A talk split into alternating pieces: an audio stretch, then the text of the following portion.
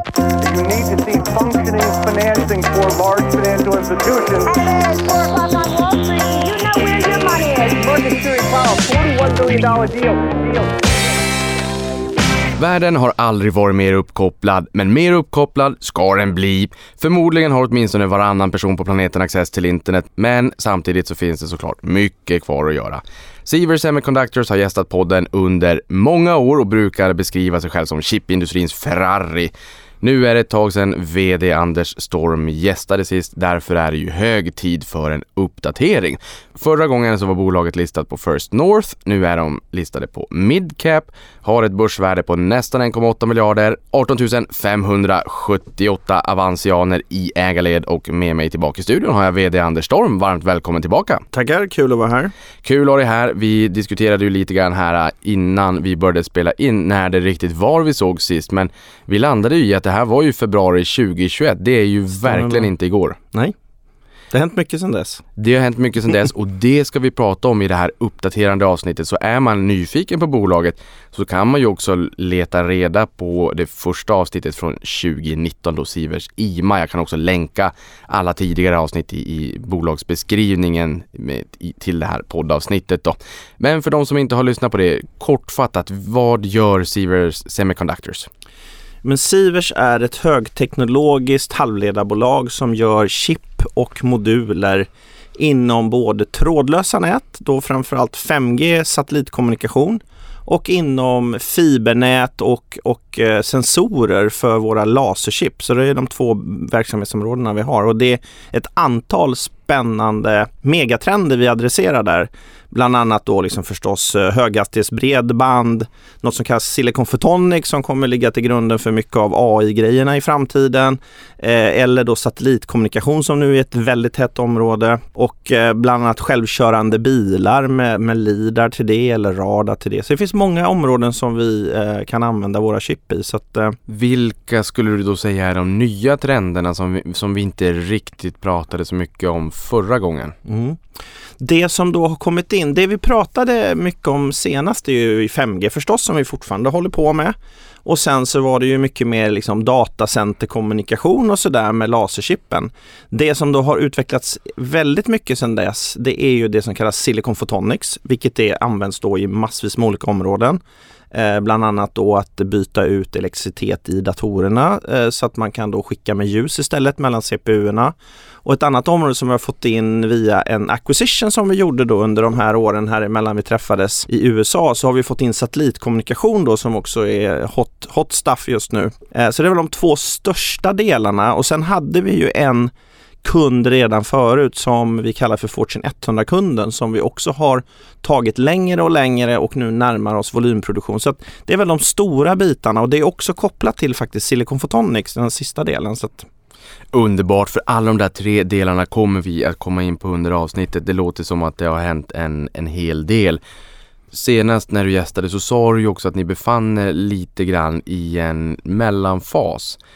Av den enkla anledningen att då var det ju mer av pandemi än vad det är nu.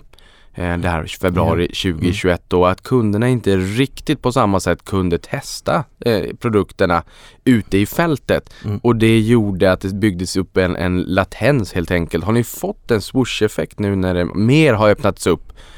Jo, men vi har börjat få mer och mer av de bitarna inom 5G, 5G-delarna. Så det, det rullas ju ut mer saker. Som en, en av grejerna vi pratat om är det här med tractor train-bitarna exempelvis.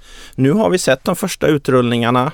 Exempelvis också en kund som har vunnit ett projekt från San Francisco till San Diego som ska rullas ut med sådana saker. Så att det är eh, faktiskt saker som händer. Vi fick nyligen en kund som har vunnit en operatör i Australien. Så det, det börjar dyka upp Sivers Inside lite överallt just nu. Så det, det är roligt att pandemin är över och vi börjar se det rulla. Sen har inte volymerna kanske kommit 100% än, men vi säger att den förseningen som ligger liksom kommer ge oss mer och mer volym från slutet av det här året och sen in i 2024 vi kommer se mer. Men, men trots det så har vi då vuxit på bra under sista året då. Vi vuxit ju med 46 procent eh, under 2022 då ändå. Så att... Det låter ju som att ni har en hygglig backlog då. Mm, absolut. Mm. När du säger Sivers Inside, Mm. Berätta mer, vad är det för någonting? Ja men det är ju när någon använder våra chip då. Vi har väl stulit det där lite från Intel. det, är, Ah, det är väl lite kul i och för sig då Ah. att vi har, har eh, samarbete med Intel just nu som vi hade på Mobile Congress. Men, men det är ett faktum att vi, eh, vi liksom, när någon använder våra moduler, chip eller så vidare i några av sina boxar så, så kallar vi det för Sivers Inside faktiskt. Ja okej, och anledningen till mina ah alldeles nyss då, det var den här nostalgin och polletten som Ja, trillade precis. ner när man var liten och gameade och det satt en klisterlapp på datorn Precis. då, Intel Inside. Exakt. Du var ju lite, lite irriterad sist skulle jag säga på politikerna när, Ja.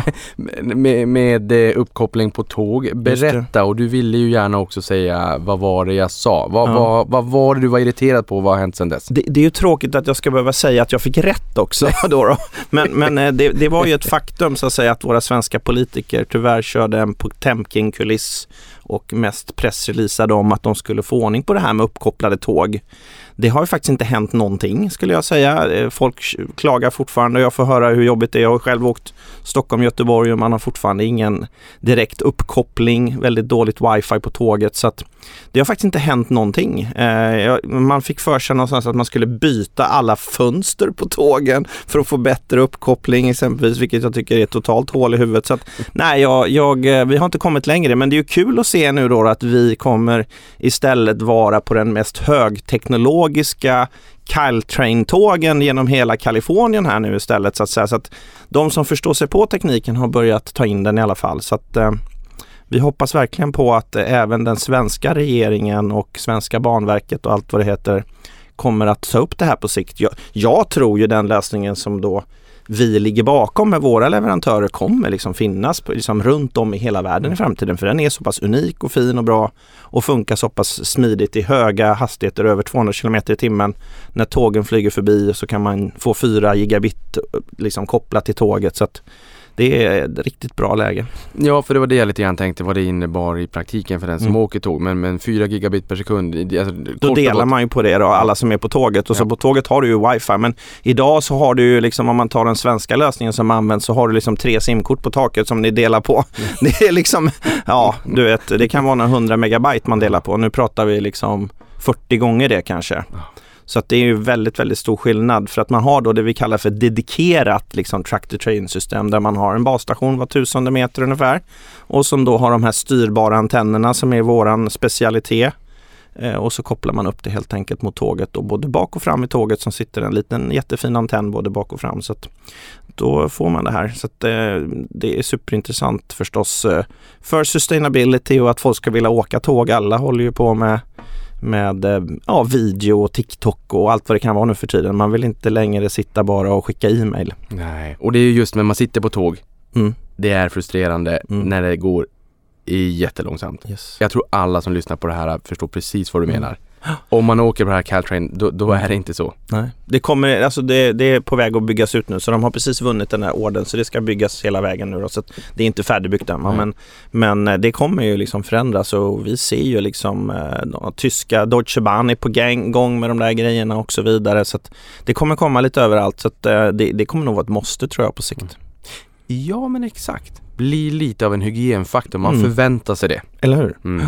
Och det är ju samma sak på flygen. Jag menar, där kommer ju då satellitkommunikationen in istället. Där alla, alla kopplar väl upp sig på sin, sin wifi och sen sitter man där och förbannar sig för att man knappt får upp någonting och det funkar dåligt och sådär. Men, men med framtidens satellitgrejer som vi nu bygger och all satellit man skjuter upp i rymden just nu med Starlink och Amazon Kuipers och allt vad det är för någonting. Va? Så, så kommer det även där vara eh, så att säga Sivers Inside faktiskt på taken på flygplanen då för satellitkommunikation-grejerna i framtiden. Ja, Och det är okej. precis samma lösning, det är bara att liksom att man kanske lite andra frekvenser men, men samma typ av beamsteering och beamforming så att säga.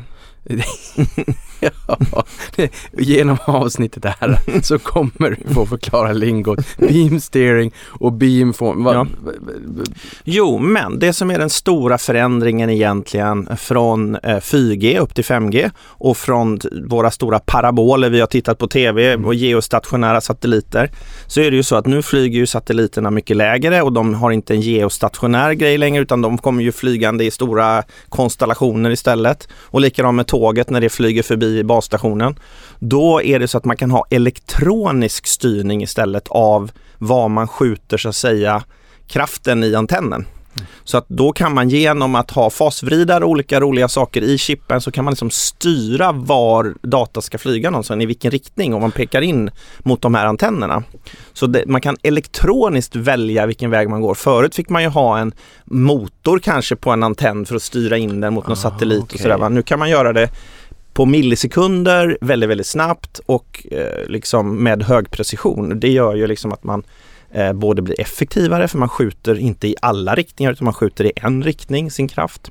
Så det är egentligen den stora, vad ska man säga, klivet inom den trådlösa tekniken att beamsteering och beamforming har liksom gjort jättemycket för att den här tekniken ska kunna användas och det är där vi är starka. Det, det, vi gör de som kallas för beamformer-chip eller RFIC-chip som innehåller beamformers och vi gör sådana här patchantenner med ma- massvis med olika patchar på och de tillsammans styr då och så skapar de en, en, en, liksom en punkt tillsammans där de liksom riktar sig så att den totala riktningen kanske på, du tar en Ta en sån här eh, satellitbas då som ska gå väldigt, väldigt långt förstås upp i rymden. De kanske har liksom flera tusen sådana antennelement som även med lite kraft tillsammans om man multiplicerar ihop tusentals sådana krafter och riktar det i en riktning så blir det helt plötsligt görbart, det som inte var görbart förut. Men just det här med milli- millimetervåg, det här är er hemmaarena. Man Yes. måste upp i millimetervåg för att få gigabit-hastigheter. Precis, och, och, och det är framförallt för att bandbredden där när man kommer upp i de här, alltså satelliten ligger på 17 GHz, 5G ligger på kanske 28 och olicensierad 5G på 60 och däromkring. Så att, och anledningen till att man kan göra det också det är att alltså, antennens storlek minskas eh, liksom med högre frekvens. Så att du kan göra mycket, mycket mindre antenner och så kan du fasstyra dem på det här sättet som jag pratar om. Helt plötsligt blir det liksom görbart och kostnadsmässigt möjligt så du minskar storleken och alltihopa. Så att alla de här sakerna hör liksom ihop för att man ska kunna göra det. Ehm, det finns ju några där ute som lyssnar på det här som är aktienördar som tycker att det är väldigt roligt och, och, och världen är ju lite börsnoterad. Mhm. Ehm, om man skulle va- sitta i ett flygplan i framtiden och det är Sievers Inside Yes. skulle man på något sätt någonstans kunna se det när om man är uppe och vandrar och tycker att det är lite seg den här flygningen? Alltså jag tror tyvärr inte det. Nej, nej. Så utan det, det är liksom, man får följa mig på Twitter och så kan jag tala om om det är Sivers Inside eller inte. Det är ju det jag håller på med nu. Liksom. Ja, och det är väl det som är det bästa för då kan man ju faktiskt också fråga dig på Ja. Twitter när man sitter på planet om man har uppkopplingen. Ja, exakt. För jag menar nu då, eh, Allspace exempelvis som är en av våra kunder, en av deras stora investerare är ju Boeing och det låter ju lite som flyg kan jag tänka mig. Ja, det är Boeing Airbus som, Exactly. som kamperar Ja. där ute. Och, och här tänker jag också bara för eh, en liten utsvävning men, men det är ju många som flyger då och då ju. Mm. Eh, Det här med att kunna ha uppkopplingen på flyget låter ju jättespännande. Mm. Vad kan vi förvänta oss? Är det mer bara så här, det, det kommer att funka? För idag funkar det ju knappt. Mm. Eller kommer det kunna bli riktigt bra? För jag menar flygen, det är ju ganska hög marschfart. Mm.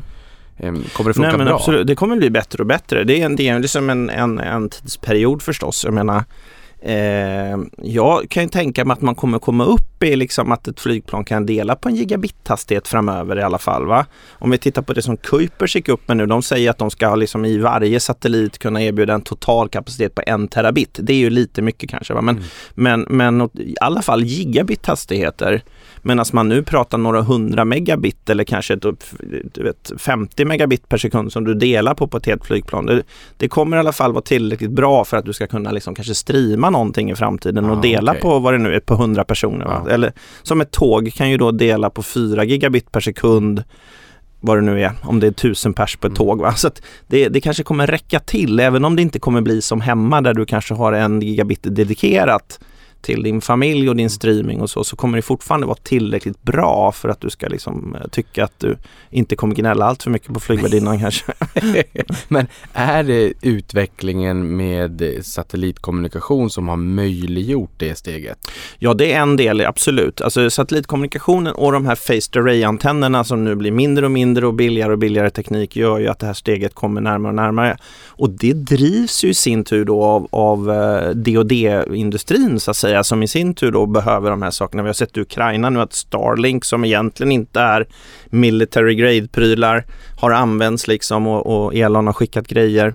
Men om vi tar Allspace igen då som ett exempel. De har ju US Army, de har SES, de har flera olika Boeing, de har ganska många liksom eh, militära kunder som vill ha de här typerna av lösningar. Man kan tänka sig liksom från början kommer de här sakerna sitta på taken på Humvees och, Mm. och så här. Och skillnaden då, det som Allspace gör mot vad andra kan göra, det är att de liksom har som tre stycken beamer från sin antenn samtidigt. Så de kan ju koppla sig då mot alla de här tre typerna av eh, så att säga satelliter.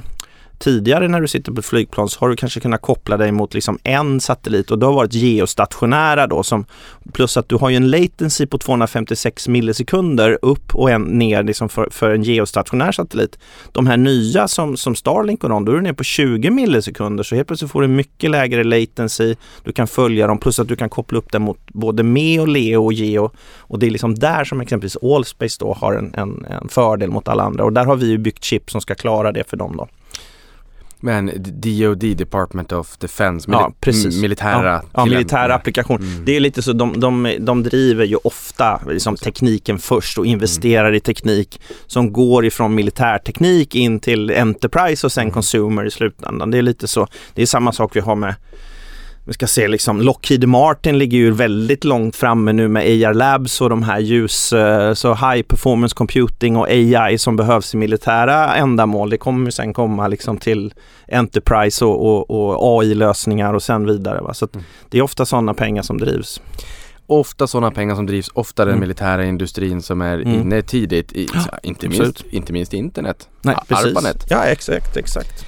Du har koll på läget. Jag har gjort min hemläxa. Jag kan väl också säga det att jag är alltid lite nervös när du ska komma för det här är väldigt komplexa frågor. Men jag är så jädrans glad att du är talför. Det gör mitt liv så enkelt. Men just det här med det militära, förutom det när man tittar mera på det kommersiella, mera företag, mera privatpersoner.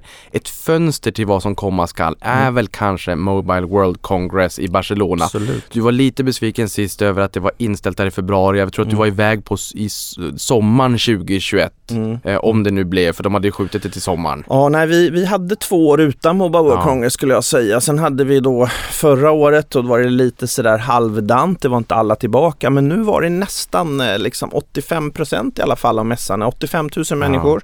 Eh, och eh, nästan full fart igen så att säga. Och, och, För du har eh, varit där i typ 15 år i rad.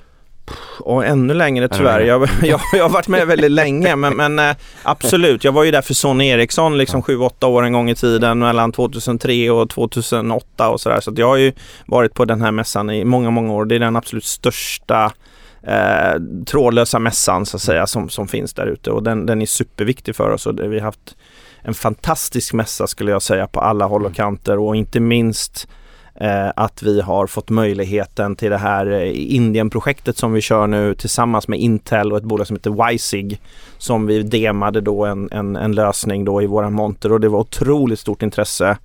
Inte minst från, från eh, dignitärer från Indien, Indien som var där och besökte vår monter och ville titta allt ifrån deras telekomhöjdare till, till C-Dot som är verksamheten där så att säga som, som, som fandar massa saker. Så att mycket intressant eh, mässa helt klart. Jo, och Indien, de, de är ju eh, som jag förstår lite galna i, eh, i videostreaming. Och sen har de kanske inte den absolut bästa nej, upplösningen utan man, man drar ner Mm. upplösningen lite grann men de konsumerar rackarns Ja. mycket. Precis. Och det är en riktig, riktig riking där som har dumpat priserna som jag förstår Mm. också på datamängd i, Mm, bland mm. telekomoperatörer.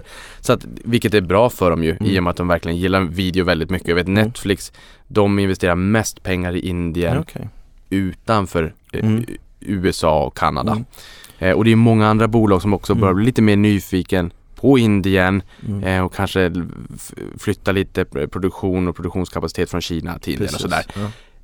Ja. Här adresserar ni ju Indien och som du sa här ett samarbete med Indel och Vissing Networks Mm. för 5G millimetervåg, Mm. FR2, fristående kundterminal, CPE först, avkoda lingot och sen berätta mer om Ja, den här precis. potentialen i Ja. Indien.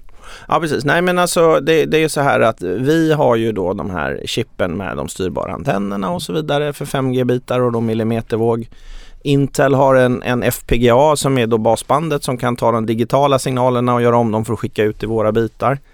Eh, Indien har nu då liksom börjat på en resa inom 5G och de har liksom då med sina stora operatörer och så vidare eh, börjat dra igång det. Plus att de då hade en, en sån här eh, licensförsäljning då av millimetervågsfrekvenserna. Det har gjort då att intresset har ökat kraftigt och de har ju liksom stora behov på olika platser och mycket folk.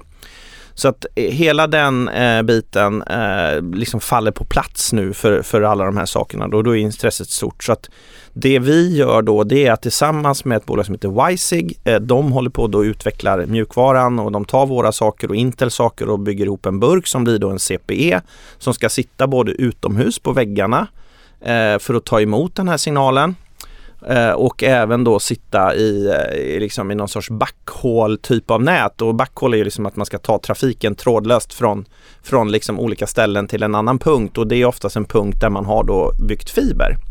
Och det som är trevligt med Indien är ju att man har ju då eh, under väldigt många år, Bahartitel och annat, eh, har ju då eh, byggt ut fiber och, och liksom till liksom point of presence som det heter. I 600 000 byar runt om i Indien så har de dragit in en fiber någonstans för att inte hela vägen, bara liksom till ett ställe. Mm. Och då måste man ju sprida ut det här på något sätt och då är ju millimetervåg alldeles perfekt att göra det så att säga. Så alla de punkterna vill de nu liksom bygga ut på olika sätt och sen vill de sprida det ytterligare. Så i början kommer de ju liksom bygga sådana här. Sen kommer de bygga på ytterligare då eh, både 4G och kanske då 5G sub 6 typ av applikationer på toppen av det så att säga som folk kan ha koppla sin telefon direkt också.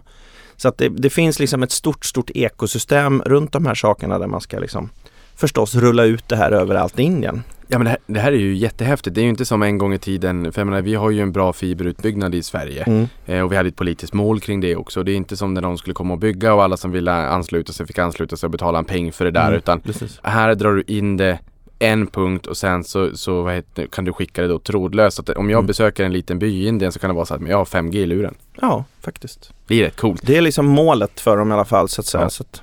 Sen eh, googlade jag här också nu när du pratar CP här, Customer Premises eh, Equipment, equipment va? Ja, mm. ja perfekt. Kund, kundenhet helt enkelt.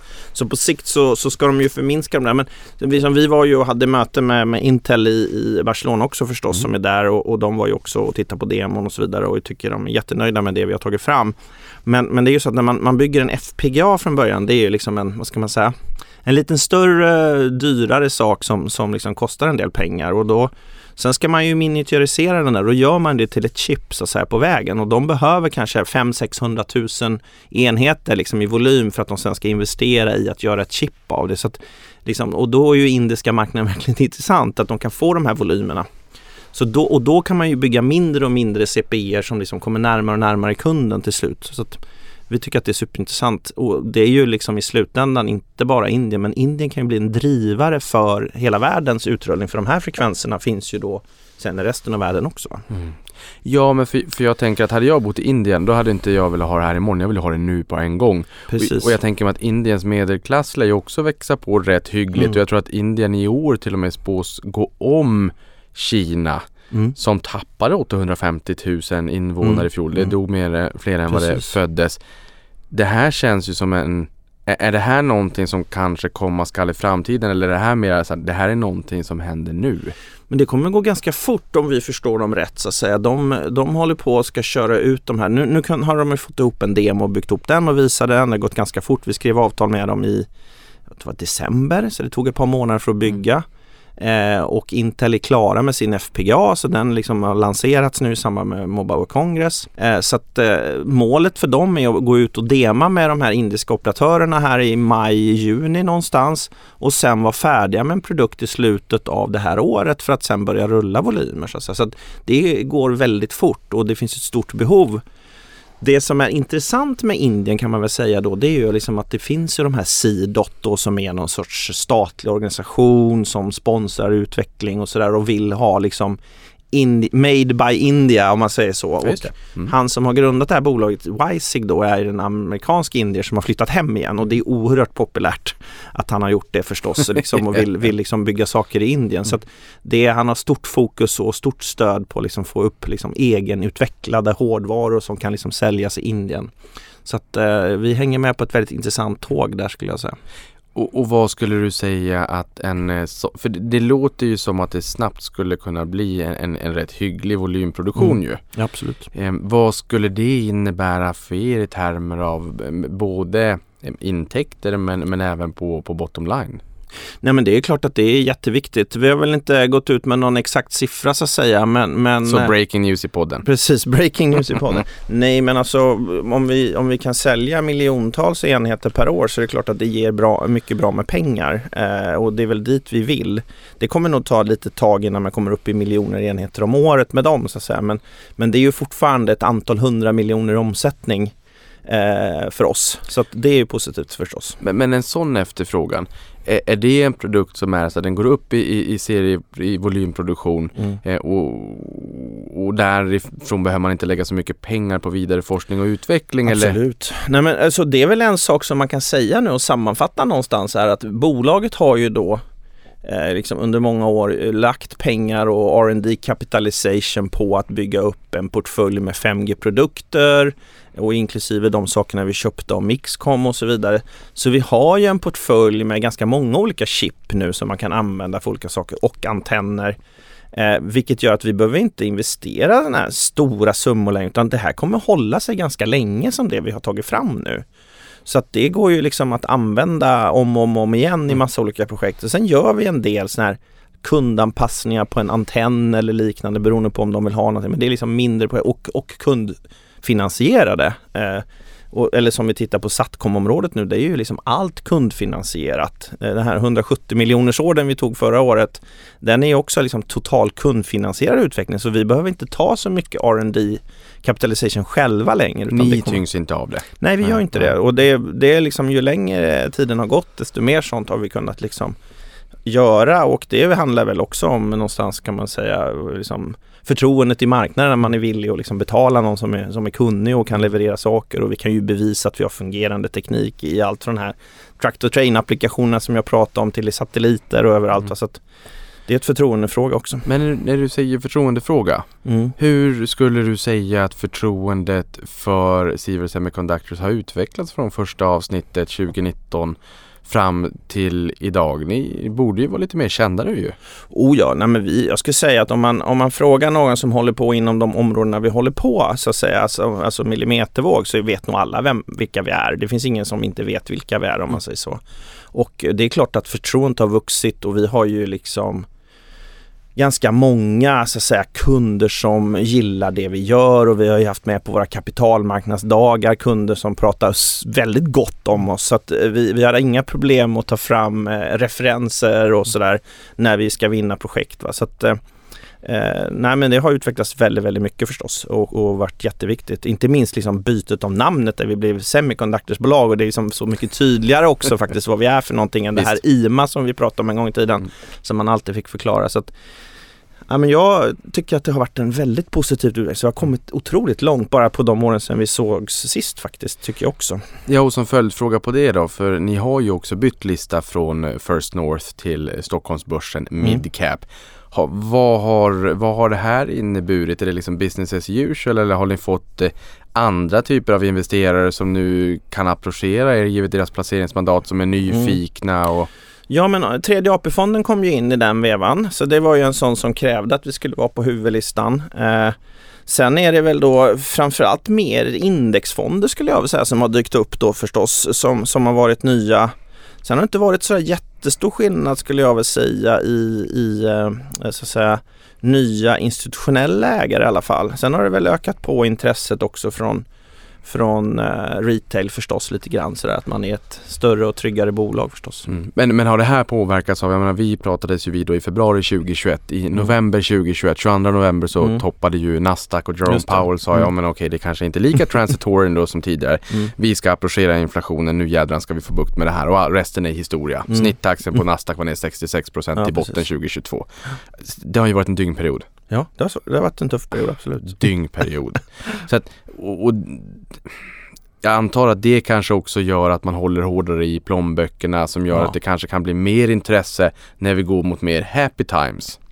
Nej men absolut och jag, jag kan tänka mig liksom så här att det, det, det som är, en av våra satsningar har ju varit liksom att ta sig in i den amerikanska marknaden och Mm. bolaget vi köpte där och bli mer och mer amerikanifierat i den bemärkelsen då. Och, och jag skulle säga så här att än så länge är vi ju lite för små för de stora amerikanska fonderna att gå in men det är klart det finns ett stort intresse. Jag har varit över och träffat massvis med folk eh, Mobile World Congress, alltså där minst, för, förut var jag nästan mest på kundmötena, nu var det mest banker och investerare som jag fick springa med den här gången. Eh, så att det, det, har ökat enormt mycket det intresset från den amerikanska marknaden. Och, men, men jag tror liksom man behöver komma upp, alla säger market cap på 800 miljoner till en miljard. Då börjar man liksom bli intressant för de amerikanska investerarna. Jag menar Blackrock kommer inte liksom sätta pengar i ett bolag som är lite för litet. Så att, mm det är det vi jobbar på. Vårt, vårt, mitt långsiktiga mål har ju hela tiden varit att bli ett large cap-bolag här i Sverige och då är det ju en, en market cap på, på eh, eh 10 miljarder så att säga. Va? Så att ur det perspektivet, eh, nu sa jag kanske inte dollar innan men jag menade 800 miljoner till en, en miljard dollar så att säga, det är de intresserade. Men Och på large cap en miljard ja euro precis, då. och, och mid cap i Sverige är ju inte något annat än small cap i USA om man säger så. så att, eller micro cap till och med. Att, Nej, allting där är väldigt stort, även Ja, läsken precis. på Så att ur det perspektivet så tror jag liksom att hela den resan är någonting som är intressant. Så att intresset har ökat jättemycket och de är också väldigt vana vid halvledarbolag Mm. och, och, och därför så är det liksom pågående diskussioner med massvis med investerare, exempelvis de, de som står bakom eh, AR Labs då som är en viktig kund till oss då, Boardman Bay Capital exempelvis som drev den rundan före Intel och HP och Nvidia nu på 1,3 miljarder. Det är ju liksom en sån här eh, intressant spelare som vi pratar med hela tiden och vill hålla sig uppdaterade av vad vi gör för de sitter ju där styrelse och så vidare. Så vi, vi- vi vill ju gärna eh, positionera oss liksom på, med våra liksom, kunders investerare så att Mm. vi liksom säkrar upp en, en fin resa där. Så att, Eh, Vi kommer alldeles strax in på Air Labs, men vi pratade ju om USA förra Mm. gången också. Och då sa du att det kommer kunna driva en hel del tillväxt på den amerikanska marknaden när det Mm. kommer till, till eh, bredband. Mm. Och jänkarna pratade om bridging the digital divide, vilket man då adresserade genom att upprätta Rural Digital Opportunity Fund på 20 Precis. miljarder dollar. Stora pengar. Mm. Man ville ge bredbandsaccess ute, ute på landet, Ja, eh, helt enkelt. Mm. Hur har det utvecklats? Det har faktiskt gått mycket långsammare än vad vi trodde och jag vet inte om det är bara liksom pandemi och, och brister på komponenter utan det är nog också den amerikanska regeringen som har varit sega att dela ut de här pengarna. Och om vi tar då en av våra viktigaste kunder där borta, det är ju Adtran som är Nasdaq-listade och, och har våra produkter så att säga i sig och har sådana här meshade nät med CPE då för hemmabruk och trådlöst bredband och sådär. De är ju ett 20-tal olika eh, sådana här trials med kunder då i USA. Men det har liksom inte riktigt trillat ner pengarna än från the government liksom för att bygga detta. Så det, tar, det har tagit en väldigt lång tid. Och plus att jag har varit då liksom turbulent runt investeringar och allt möjligt i det här. Så att, eh, där har det väl liksom dragit ut mer på tiden än vad vi ville. Men, men samtidigt så ser det ju liksom positivt ut och en sak som har hänt då som är positivt för oss det är ju att Adtran köpte ju det här bolaget som egentligen byggde grejerna för oss här som heter CCS som, som har byggt de här boxarna och nu är de då en del av Adtran. Så nu är liksom Adtran våran direktkund vilket då tar bort en del eh, utmaningar med, med margin stacken och sånt som var mellan de två parterna. Så att, eh, det, det, det tycker vi, ser vi positivt på. Så att jag, jag tror vi kommer se mer och mer och det är det vi pratar om att ja men andra halvan, slutet av året, nästa år så kommer det här börja rulla på mer så att säga. Men, men det har tagit väldigt lång tid. Även de här digitala fonderna som kom ut sen via Biden-administrationen när de tog över, de har ju fortfarande inte heller liksom lämnat ut några pengar. Va? Så att det har varit väldigt mycket frågetecken och det blev väldigt mycket bråk tror jag i USA runt de där grejerna. För det var sådana som var opportunistiska och lovade jättemycket att de skulle göra och så fick de stora bidrag som de inte kunde liksom. Så det blev väldigt, väldigt stora diskussioner. Ska de här pengarna verkligen ut och så ska de kontrollera att de verkligen ska få dem och så, här. så det ligger väldigt mycket saker bakom där Mm. som tyvärr inte har hänt så mycket med. Det kommer. Ni eh, levererar ju laser till IR Labs här som du Mm. har pratat om lite grann här nu i, i podden.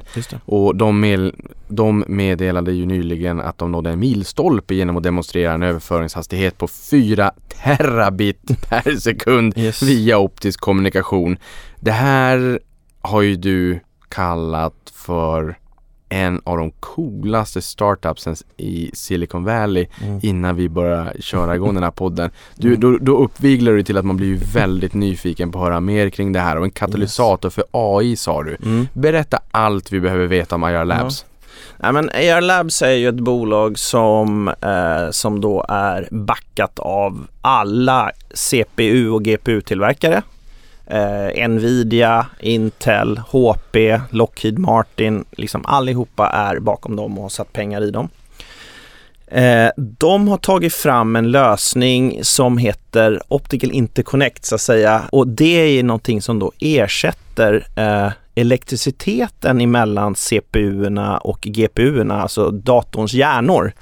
Och eh, det finns liksom idag en, en vägg egentligen för hur mycket man kan skicka och det, det, alltså, när du ökar på hastigheterna mer och mer så till slut så blir det ju bara varmt allting. Och det drar bara mer och mer ström och du liksom försöker få ut det och du, du måste bygga upp fler och flera Eh, antingen får du utveckla CPUn invändigt liksom, men det tar också stopp någonstans med målslag. Så du måste ha fler, nu har man liksom flera CPUer istället i varje dator som pratar med varandra. Och att de ska kunna prata med varandra effektivt och inte med elektricitet så kan man då göra eh, Eh, optical eh, interconnect däremellan istället så man skickar alltså ljus istället för elektricitet. Och det AR har då, det är liksom ett chip som, som då Intel och de kan sätta rakt på chippet i, liksom i silikonet, kopplas direkt till ljuset och skicka ljus istället för att skicka elektriska signaler.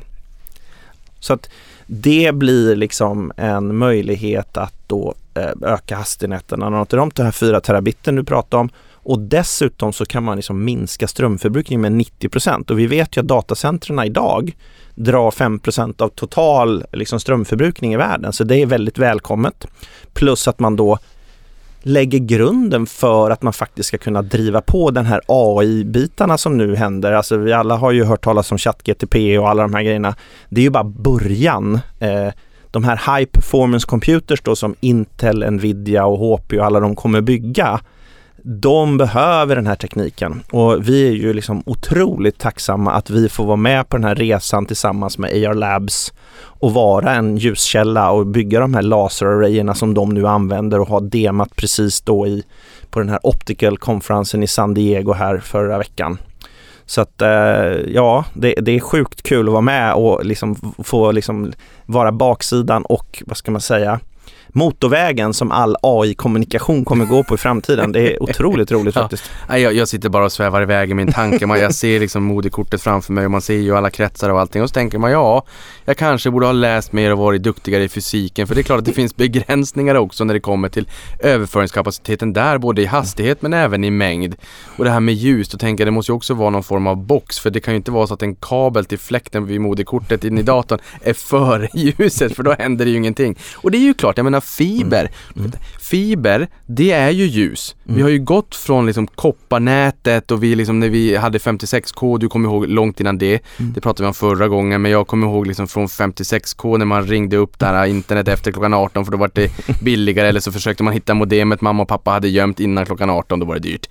Till när man fick ADSL. Och jädrans vilken hastighet det blev. Liksom gå till 0,5 megabit där. Det var Ja, ju precis. som, det var ju som, det var livet. Och så fibern. Då gick vi från kopparnät ADSL till Precis. fiberljus. Och nu säger du att vi gör egentligen det nu samma sak eller ser det skiftet nu i datavärlden. Precis, exakt. Så det som faktiskt händer nu då, det är att man tar en superliten fiber och så skickar man då de här signalerna, multiplexar dem som det heter. Du tar, du tar 8, 16, 32 eller 64 våglängder och kan skicka i en liten, liten fiber mellan CPU-erna. Och det är det som är AR Labs secret source kan man säga.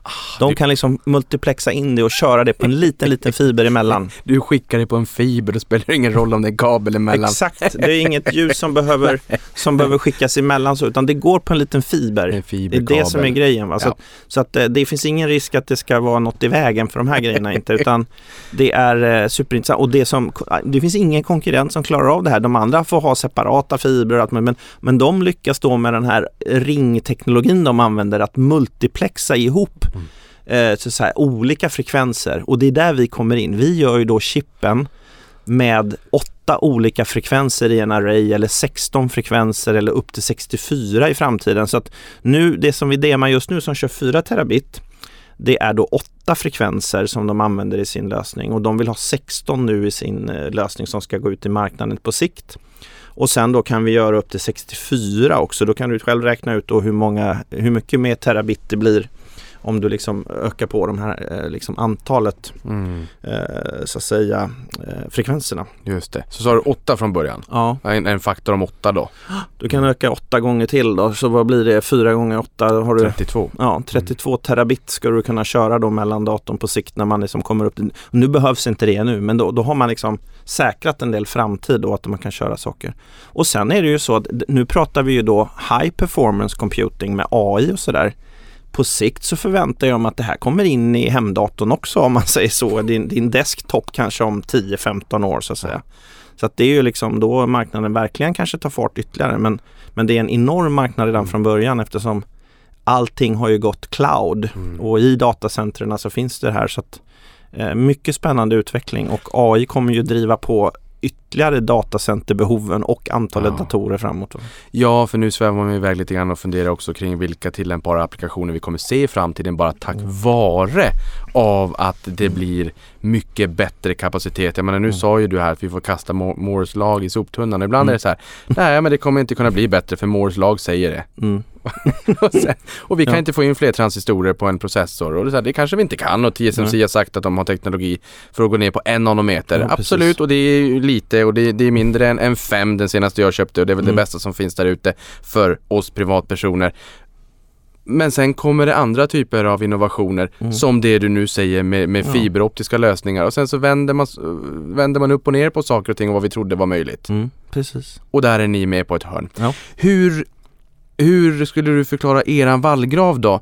Jag menar, det du nu säger här om IR Labs är ju, det låter ju väldigt spännande. Mm. Hur, hur djup är er vallgrav i det samarbetet? Är det andra som gör det Mm.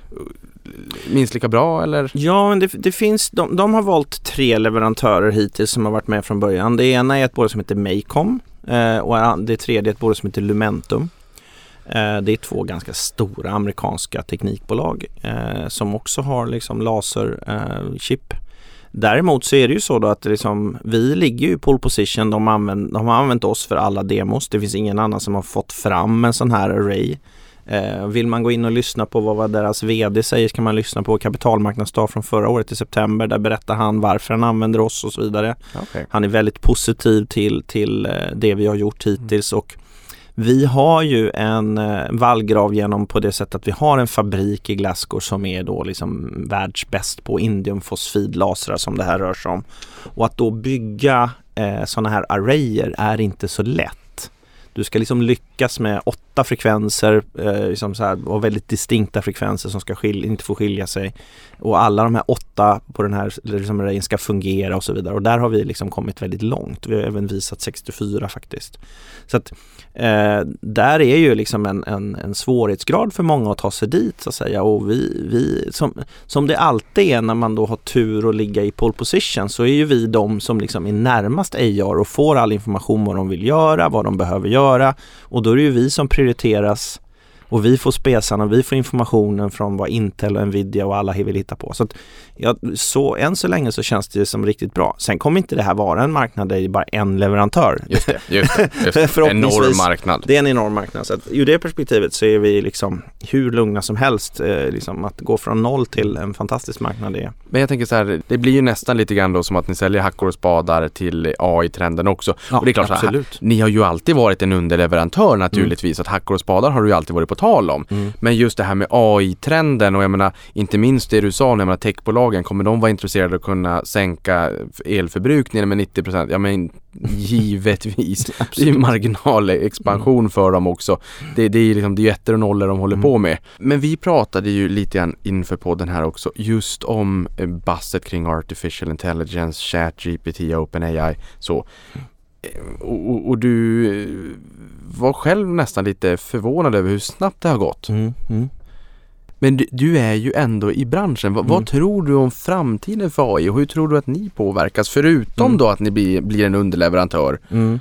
För jag vill säga handtagen till spadarna typ. Mm. Så att, nej men äh, alltså vi, vi, det här är ju liksom i allt det vi gör på något sätt. För att jag menar, om man tittar på alla våra megatrender så smälter de ju någonstans ihop. Va? För att, jag menar, alltså Automotive eh, har ju då självkörande bilar. Eh, de kommer ju behöva kopplas upp mot molnet på ett eller annat sätt ur säkerhetsaspekter eller liksom kartor och allt vad vi gör med Google Maps och alla sådana här saker. Du kommer säkert ha AI som hjälper dig att köra bilen också eh, till, till liksom våra bredbandslösningar då när man kopplar upp bilarna eh, eller när du sitter på flygplanet. Så att alla de här megatrenderna går ju liksom ihop eh, någonstans. Så att eh, allt det här påverkar ju oss eh, i en väldigt positiv riktning. Det är ju därför vi liksom säger liksom något så här att jo men alltså det vi gör är ju liksom som, eh, som elektricitet och vatten någonstans. Att vi alla kommer vilja ha det i framtiden. Och tror man på de trenderna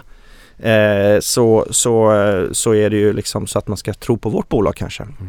Och det är väl det som någonstans som jag, i själv blir man ju ibland förvånad när någonting går så fort. För AI var ju liksom någonting som man har diskuterat ganska länge och man har inte sett några applikationer på det egentligen. Helt plötsligt kommer ChatGTP och vänder upp och ner på allt och folk börjar helt plötsligt se use casen och vad kan man använda det till? Och så, så att och sen kommer det ännu intelligentare saker om och liksom vidare. Så att allt det där eh, gör ju liksom också att eh, användningsområdena kommer öka. Folk kommer förstå bättre vad de kan använda det till.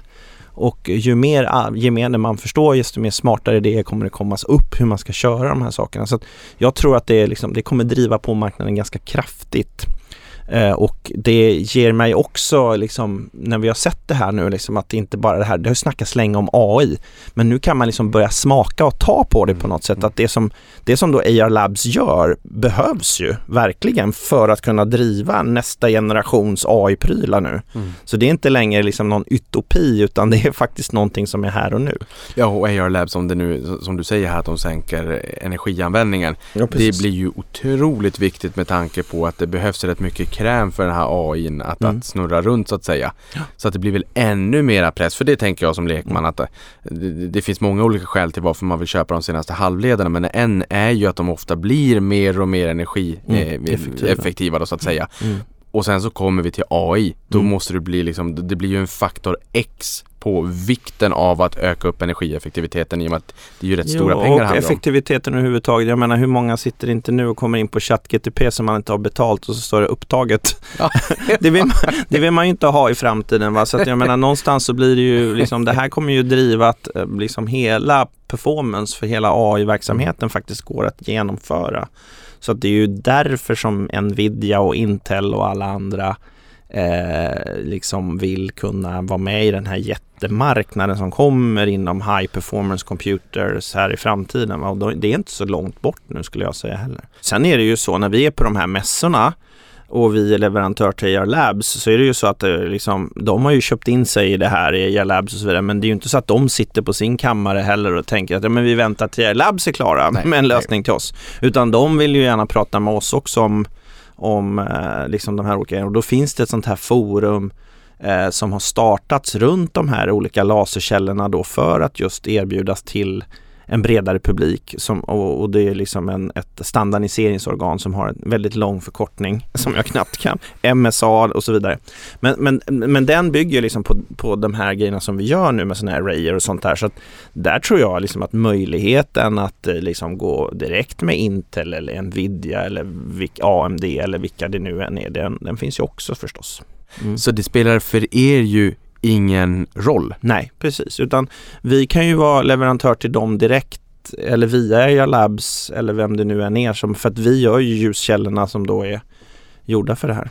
Hackor och spadar, Precis. mycket bra. Jag tänker att vi, vi har inte riktigt lämnat Mobile World Congress för, för att Nej. jag är lite nyfiken på om du har några andra intressanta spaningar därifrån. Ja, men det som är lite roligt och, och det är ju lite kul att, att ligga före då kan man säga. Vi köpte ju ett bolag som håller på med satellitkommunikation. Och helt plötsligt på Mobile World Congress så är faktiskt satellitkommunikation en viktig del. Så att förut var det ju mer mobilnät och så vidare. Nu var det ju liksom massvis med bolag där med satellitkommunikation, SES, Allspace, Thorium Space och så vidare och så vidare. Så att det är väl den stora spaningen att den har breddat mässan med den typen av spelare också. Vilket är bra för oss då, då för det, det, faller ju i, våra, i vårat knä. Sen kan man väl säga den, den, eh, den stora delen generellt sett eh, är ju fortfarande drivet att 5G är väldigt stort. Man börjar prata 6G förstås, men jag tycker att det är alldeles för tidigt. Det finns fortfarande väldigt mycket man kan göra på 5G. Eh, och det, det visas applikationer och så vidare. Men jag skulle fortfarande säga att 6G är liksom eh, ja, 8 till 10 år bort ändå. Ja det är så? Ja, jag skulle nog säga det. För förra gången när vi poddade då, Mm. då sa jag att jag precis hade köpt en ny telefon. Den var 5G ready. Mm. Jag hade aldrig sett 5G i telefonen. Jag visste att, jag tror det var Tele2 som hade det på Kungsgatan. Jag hade aldrig sett det i teleluren. Nej. Jag körde in inlandet i Norrland när det poppade upp första gången. Jag Jaha, okej. stannade bara, vad i helskotta? Jag befinner mig mitt i ingenstans. Det står 5G på telefonen. Det var ett så riktigt eureka moment. Mm. Nu står det ju alltid 5G i telefonen. Mm. Ja, precis. Så förra gången så tog vi tempen på 5G och du säger att den är fortfarande högst aktuell. För, för jag vet du sa förra gången att när man slutar prata om det, Mm. då har det blivit mainstream. Mm.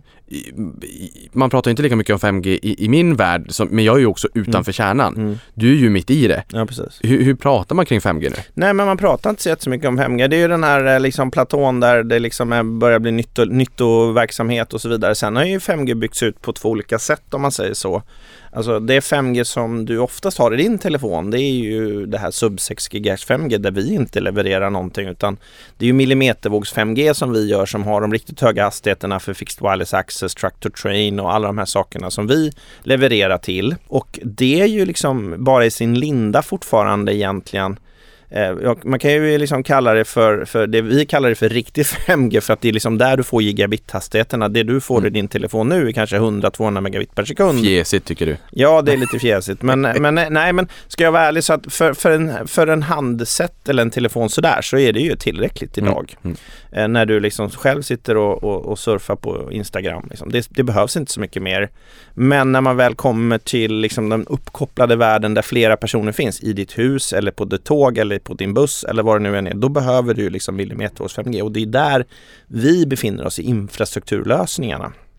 Sen har vi lösningar nu med ett eh, sydkoreanskt bolag som har dykt upp som, som liksom kan använda antenner som man sätter på skärmen och så vidare. va, Där man kan då komma med millimetervåg som kan behövas lite senare kanske i telefonen och när det kommer fram. Men, men det som händer nu, alltså det var bara i veckan tror jag som, som eh, man i England nu börjar prata om millimetervåg faktiskt. Att man nu ska liksom rulla ut frekvenser för det där. Så att det börjar hända. I Spanien gjorde man ju det innan mässan förstås.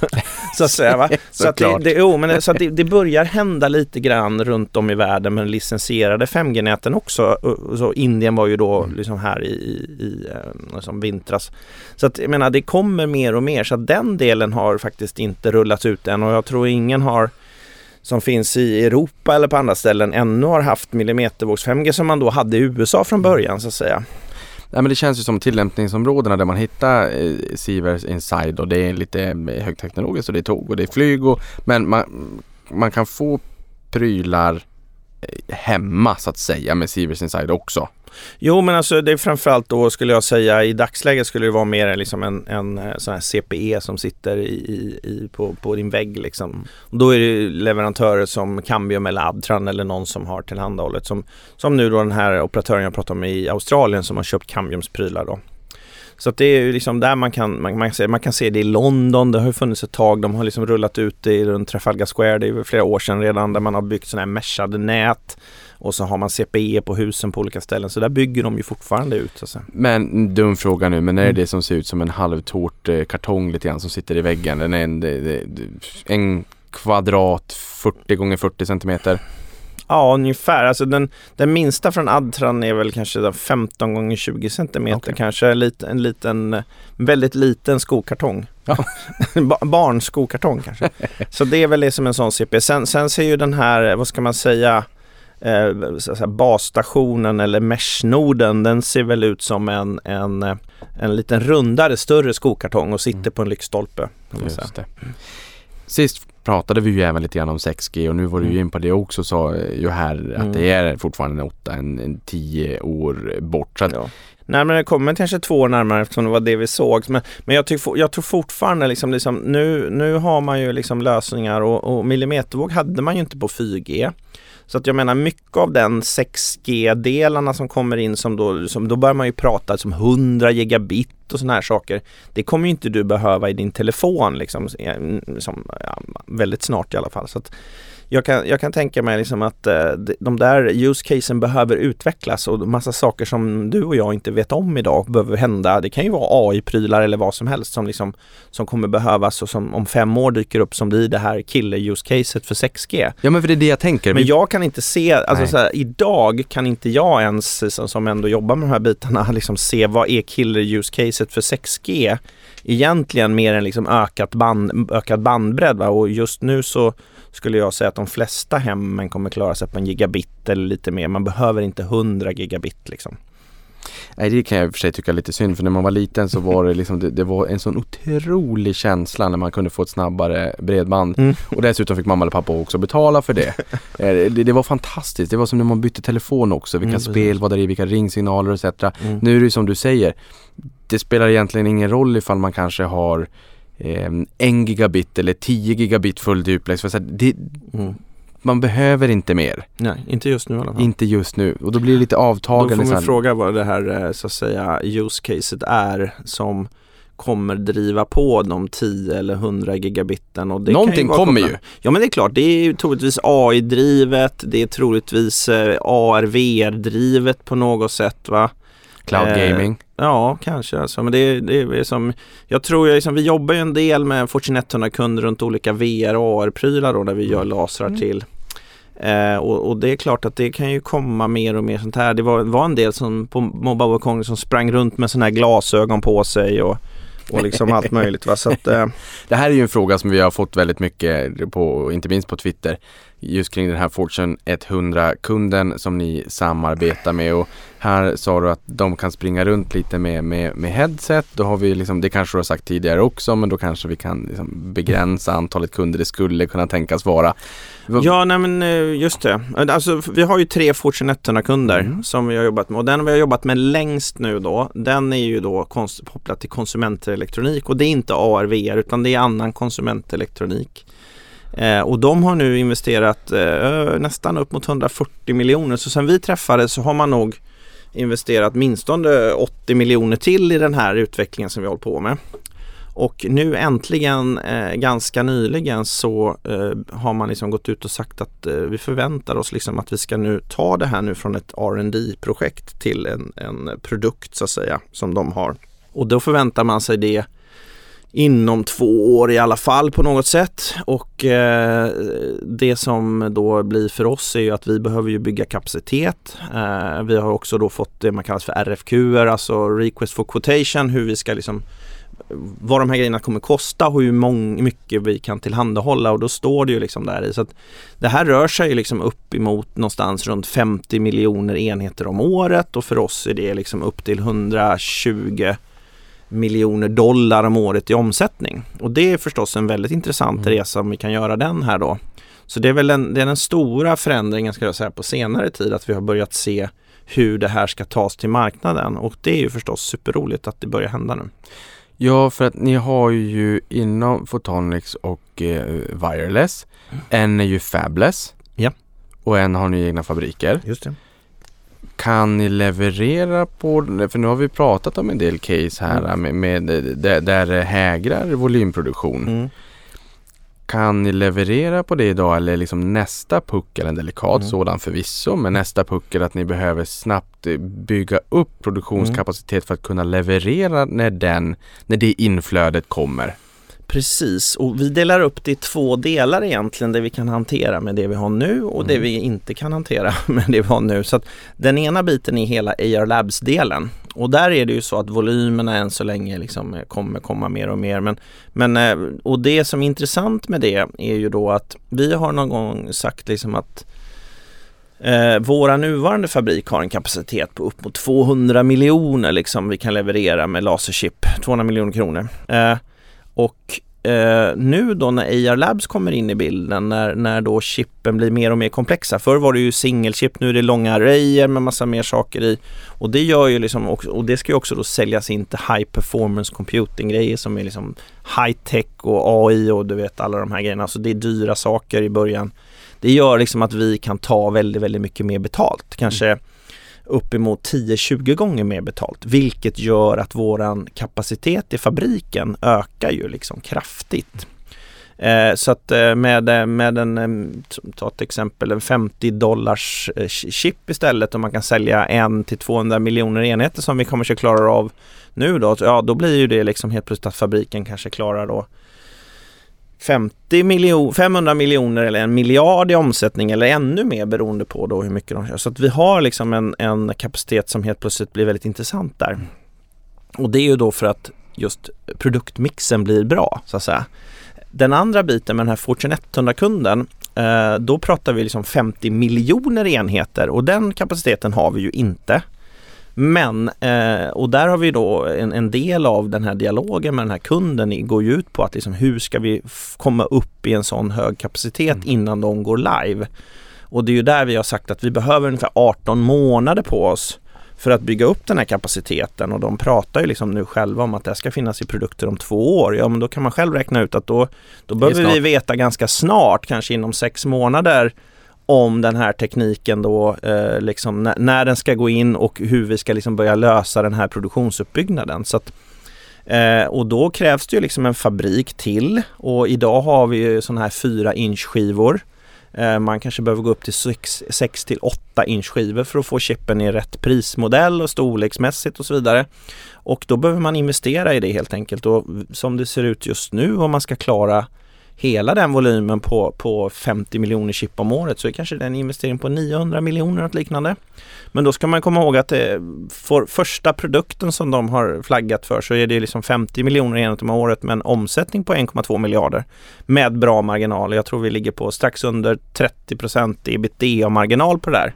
Så att det är ju liksom en otroligt intressant projekt för oss. Mm. Så det är det vi håller på med nu och, och försöka få fram i en dialog med dem. Sen är det ju då eh, en fördel för oss att man alla eh, stora eh, så att säga entities nu som USA och Europa har ju gått ut med chip acts. Alla vill liksom bygga chip hemma. Man ska inte göra något i Asien längre. Så att det är klart att det är ju väldigt gynnsamt för oss att liksom då bygga en fabrik där man ska göra chip till ett Fortune 100-bolag just nu. Så att vi tittar just nu på, ska vi göra det i Europa, där uppe vi har produktion idag i Glasgow, eller ska man lägga det i USA nära någon av våra partners där som ändå är involverade, som ta exempelvis Global Foundries då som är en, en viktig leverantör på de här Silicon Photonics-bitarna till AR Labs och vi, vi gör ju photonics-delen och de gör silikonet då, då Global Foundries. Så att ja, man kanske ska bygga någonting nära dem uppe i New York där vi redan har kontor. Så att det mm. finns massa sådana aspekter vi tittar på just nu. Global Foundries, det var väl tillverkningsdelen inom AMD när man hade det själv en gång i tiden? Mm, det kan det nog vara. IBM var det faktiskt som har varit Global Foundries. Inte AMD kanske men IBM-delarna var ju Global Foundries i början tror jag. Och kom nyligen tillbaka till, till börsen. Ja, precis. Mm. De listades ju på Nasdaq eh, i USA här och de är faktiskt lite, de äger lite aktier i Sivers. Ja, för jag, jag, jag lyssnade nämligen på en intervju där, där du nämnde det också mm. att, eh, och, och, och, det fick mig att haja till. Mm. Men eh, och det, inte på topp 10? Nej, absolut nej, inte. Nej. Utan de, de hade en del aktier via att Mixcom var djup partner med dem, hade en del utveckling då mellan Columbia University där våran MD Harish eh, eh, har kommit ut ifrån det och de jobbade väldigt nära med Mixcom och, och Global Foundries köpte då in sig i, eh, i Mixcom lite grann. Och i samband med köpet av Mixcom så fick de då en del aktier då, så det var ingen, det var ingen större post men de har fortfarande kvar den vad jag vet. Och eh, de är dessutom då aktieägare i AR Labs också. Ja. Världen så är liten. Så att världen är liten. att, och det är jätteviktigt för oss faktiskt. Hela den dynamiken blir väldigt intressant för mm. oss eh, skulle jag säga. Och eh, eh, ja, vi tittar därför på liksom, hur ska vi kunna tillsammans med, med Global adressera det här. Och det vi ser nu på senare tid är ju då att vi har kommit närmare och närmare Global efter det här med, med eh, AR Labs. Så om man tittar på när AR Labs skriver nu våra part, teknikpartners inför OFC så står det Global Founders, Sivers Photonics. så det är, liksom, det är vi som nämns. Så att det är ju också liksom nästa steg och vi har flera kunder då som nu börjar komma in via Global när de kommer till dem. Ja men vi, vi vill ha eran Silicon Photonics plattform. Så Mm. säger de. Men eh, var, var får vi lasrarna ifrån då? Jo men eh, vi har ju Sivers här. Ja. Gå till dem och gör lasern. Så att det börjar bli liksom en återförsäljningskanal för oss faktiskt. Det låter som ett fruktsamt ekosystem ni har byggt Mycket. ihop med de partners ni har där ute. Mm. Jättebra tycker jag och eh, det skulle väl vara en drömsituation om vi kunde till och med då bygga en fabrik nära dem. Mm. Men, men kan ni liksom stå på er ifall det så att ni får ett bud? Nu förstår jag att det är en ägarfråga. men, men, äh, Ingen aning. Nej, nej alltså, Nej det, är ju egentligen inte din fråga att svara på. Jag ska Nej. inte krä- avkräva dig svar heller. Men just det här att jag tror att många tycker att det är lite roligt att ha lite teknikbolag Mm. i Sverige med teknikhöjd som Mm. man, man, alldeles oavsett om man är aktieägare eller inte så blir Mm. man väl kanske lite stolt om det, om det omnämns ett, bo, svenskt bolag i, Mm. så, så som du nu förklarar. Ehm, det ligger ju dock i farans riktning om fler får upp ögonen för att man Mm. försöker köpa er helt enkelt. Nej men absolut och det jag har väl sagt någonstans och det är klart vi, vi pratar ju med liksom alla de stora teknikbolagen i USA och alla håller nog ögonen på oss på ett eller annat sätt och jag tror den, liksom, den stora biten för alla bolag det är ju den här infliction pointen. När den händer så vill man liksom vara där. Sen är det ju vissa som köper liksom på bettar och sådär men jag tror när, när man ser volymerna komma och vi växer ju kraftigt nu. Vi växte ju liksom, vi har ju passerat då 130 miljoner i försäljning förra året och vi har nu gjort en outlook för nästa år där vi ska liksom upp i 260 plus miljoner så att säga. Va? Så att det är klart att all den där tillväxten och alla dessa intressanta kunder vi har det vore ju konstigt om inte någon liksom till slut vill kanske köpa. Sen kan inte jag svara på vad våra ägare vill göra och inte Nej. göra så att säga. Men, men eh, det är alltid roligt att vara uppvaktad som man, som man säger. Men när man ska bygga den här fabriken då? Mm. Får ni finansieringshjälp av eran partner att ni krokar arm i de frågorna eller är det till och med så att ni kan från politiskt håll få, få hjälp också? För Mm. menar, som du säger, kanske inte välja och vraka men lite grann Europa, Mm. USA, vart Absolut. tänker vi? Det ligger i deras intresse Ja. också att attrahera er tänker jag. Nej men alltså vi är ju uppvaktade nu av eh, exempelvis olika organisationer då som tar New York State. De har ju organisationer som vill, ja men kom, flytta hit så får ni betala inte skatt, vi investerar så här, vi gör allt det här för er, det skapar arbetstillfällen. Eh, så att det är klart att när man har den typen av investeringsnivå så är det klart att alla blir intresserade.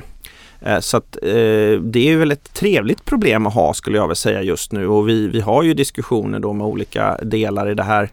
Eh, så att det finns ju tre spår här. Det ena är ju då, liksom då förstås att den här eh, stora Fortune 100 också vill gå in och investera och vara med på något sätt. Eh, vilket i, i sig skulle vara trevligt och kanske enda sättet att få ut deras namn på marknaden. För då är de tvingade att tala om vilka de är. Eh, Ja. det, det andra spåret, Smart. ja, precis, det andra spåret är ju liksom att vi, vi gör det här själva och då, då pratar vi liksom, det här är ju capex-investeringar, alltså man ska bygga hårda saker som står på marken och som man kan liksom ta tillbaka om, om det går åt skogen. Då kan man ju liksom, liksom göra det via lån eller bonds eller vad det nu kan vara för någonting. Sen ska man förstås anställa människor. Det kan röra sig om flera hundra anställda i en sån där fabrik. Va? Och, och det är klart att det kanske man kan vill, vill investera via allt ifrån så att säga eh, equity till annat. Då. Så att jag kan tänka mig att det, det finns olika varianter här och sen har man ju då de här chipakten som kommer in på toppen av det här och, och eh, jag skulle bli mycket förvånad om vi inte skulle få stora belopp. Oftast är det ju så här 50-50 eller så här du ska investera hälften själv och hälften får ni från oss. Så att det, det kommer nog vara en kombination av många saker här. Så att eh, jätterolig uppgift att ha framför sig känns det ja, som. Det förstår jag. Ja, det förstår jag verkligen. Ja. Det låter som att du har väldigt mycket, det låter som att ni har kul på jobbet och just Ja, eh.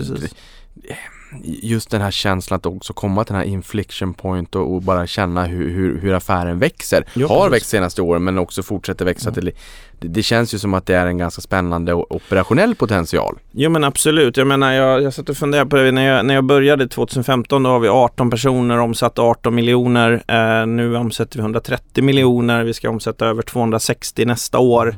Eh, det, är en, det är en otroligt rolig resa som knappt har börjat så att säga. Så att det, är- det är superkul faktiskt. Men är svenska bolag och svenska politiker lika mycket på hugget som kanske i Europa eller i USA?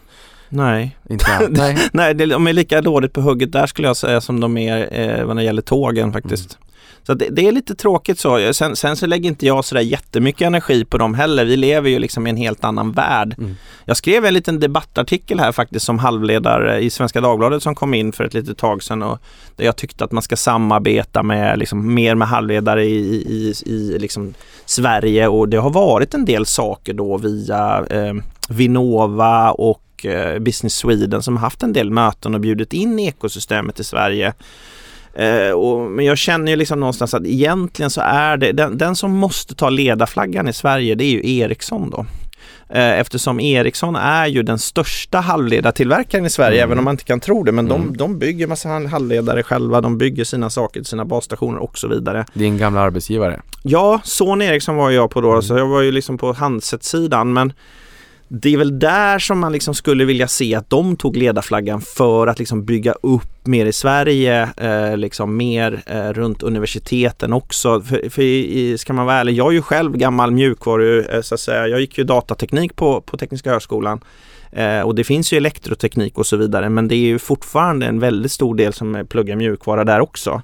Så att om man tittar på Ericsson så har de ju tiotusentals mjukvaruingenjörer och några tusen eh, hårdvaruingenjörer och, och hårdvaruingenjörerna i Sverige är ju liksom väldigt få. Så jag tror ju det skulle vara väldigt bra från statligt håll att man liksom jobbade mer på halvledarsidan och hårdvarusidan och liksom gynnade det och byggde ut det mer och då tror jag att Ericsson skulle kunna vara en katalysator. Mm.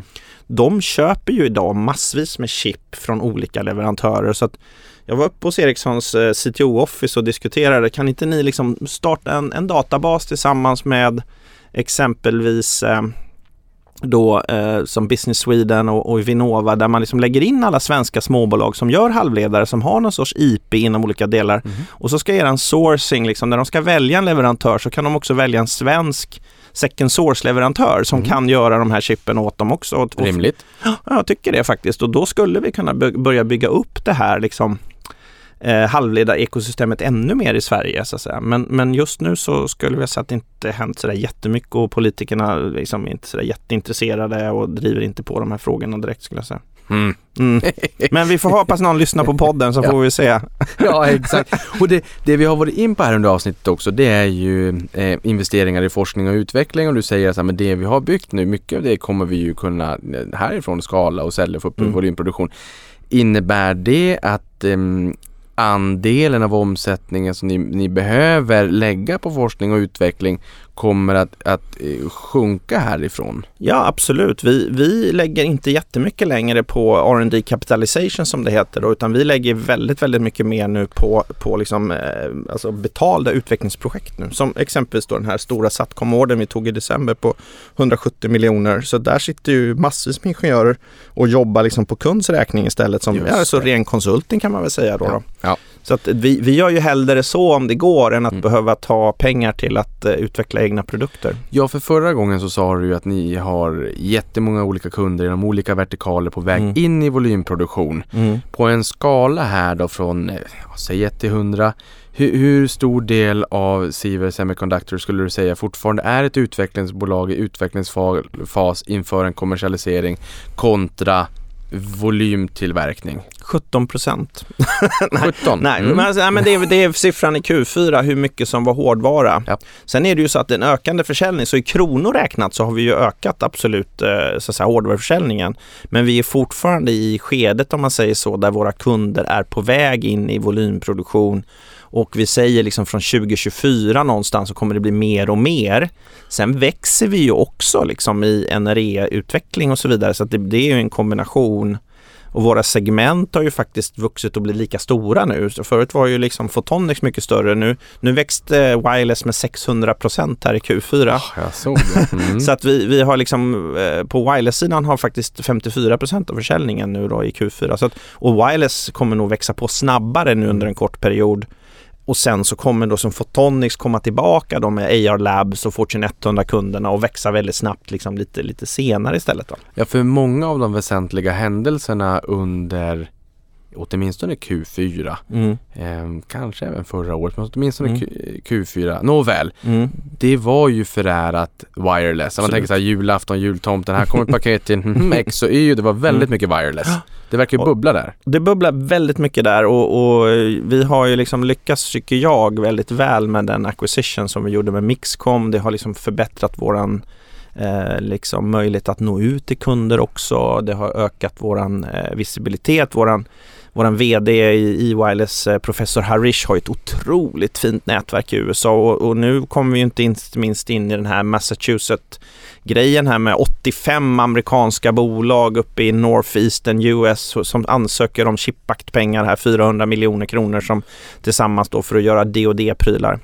Så att det, det är mycket sånt och, och andra DARPA-pengar som kommer in och jag menar professor Harish där har ju eh, tidigare fått in nästan 98 miljoner dollar när han var jobbade på Colombia under tio års tid i, i funding från DARPA bara. Så det är liksom den typen av saker vi, vi ser definitivt att vi kommer in i mer och liksom, ja, hela den här biten som, som vi har gjort liksom är, sträcker sig mer och mer in i den amerikanska marknaden. Du har ju refererat till Mixcom här några gånger under Mm. avsnittet och jag tänkte att bara få en liten flavor vad det är för någonting. För i senaste kvartalet så skrev du också i vd-ordet citat under fjärde kvartalet fick vi en tydlig bekräftelse på att förvärvet av Mixcom låg rätt i tiden och att integrationen av Mixcom in i wireless nu ger oss unika möjligheter inom satellitkommunikation. Slutcitat. Och du sa ju också att tilten lite grann på Mobile World Congress Mm. nu i Barcelona i år var också tiltat mot det här. Jo, nej men absolut. Om, om vi tittar på då eh, det, det som Sivers Wireless gjorde innan Mixcom, det var liksom transceivers och RFICs och beamformers och, och så här. Vi köpte då Mixcom och de gjorde beamformers framförallt för både Satcom och, och eh, 5G. Eh, då kan ju liksom man, det vi har lyckats med nu med det projektet som vi vann precis nyligen med den här kunden, det är ju liksom att vi då har tagit in de sakerna som Sivers Wireless gjorde tidigare. Så de, att vi har gift ihop de sakerna gör helt plötsligt att vi vinner den här affären. Så att Mixcom har varit en katalysator för att vinna en stor affär här som vi inte hade kunnat göra annars. Eh, det är liksom en bit i det hela. Så att, och, och Mixcom kom ju liksom in eh, liksom för att vi, vi hade egentligen nio grundpelare. Nu ska vi inte gå igenom allihopa, men vi hade nio grundpelare för att vi köpte Mixcom ju från början och en var ju satellitkombenet då förstås som vi nu är. En annan var Global Foundry som vi redan har pratat om hur viktigt det är, inte minst för trådlösa delen, men också Silicon Photonics som ingen kanske riktigt har fattat varför vi gjorde. Eh, sen har vi ju liksom massa andra delar. Det här förstås att komma närmare USA med DARPA och, och liksom den typen av pengar med forskning och allting sånt där. Komma närmare alla de spelarna i USA. Komma närmare investerare i USA och så vidare. Så det fanns jättemånga skäl till varför vi köpte in oss i ett amerikanskt bolag. Och det var en lång process förstås och vi blev godkända av det som kallas för CFIUS för att vi liksom skulle köpa ett högteknologiskt bolag som ändå håller på med försvarsindustrisaker men vi fick okej på det. Så att eh, jag tror att det var liksom ett, eh, ett väldigt strategiskt viktigt eh, beslut som vi tog när vi, när vi köpte Mixcom. Kul att höra. Nu trillar vi lite grann på lätten ner också med, med eh, Silicon Photonics. Just med Just silicon är ju, brukar man ju använda för halvledare eller halvledare Precis. silicon och photonics då för att det är ljuset i fiber och Precis. inte eh, elektriciteten där in. Du ser, Mhm. till slut så trillar Så om man ska ner. förklara det då så kan man säga så här att det kommer ljus, man kan skicka ljus ifrån ett silikonchip. Det ljuset är inte tillräckligt starkt för att skicka ut i luften. Så man behöver istället för silikon så behöver man indiumfosfid. Indiumfosfidet har man då en vågledare som vi har patent på emellan silikonet och, eh, och, eh, och liksom indiumfosfiden.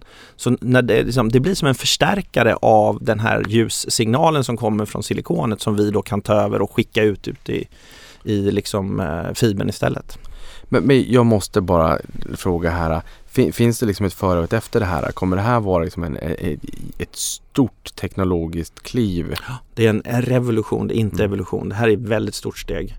Att, att tidigare har man byggt de här som klankiga, stora, klumpiga saker. Nu kan man liksom sätta de här chippen med 500 nanometers precision då, och indiumfosfidet rakt på en, en eh, silikonskiva och liksom få den här vågledaren att liksom kopplas ihop då.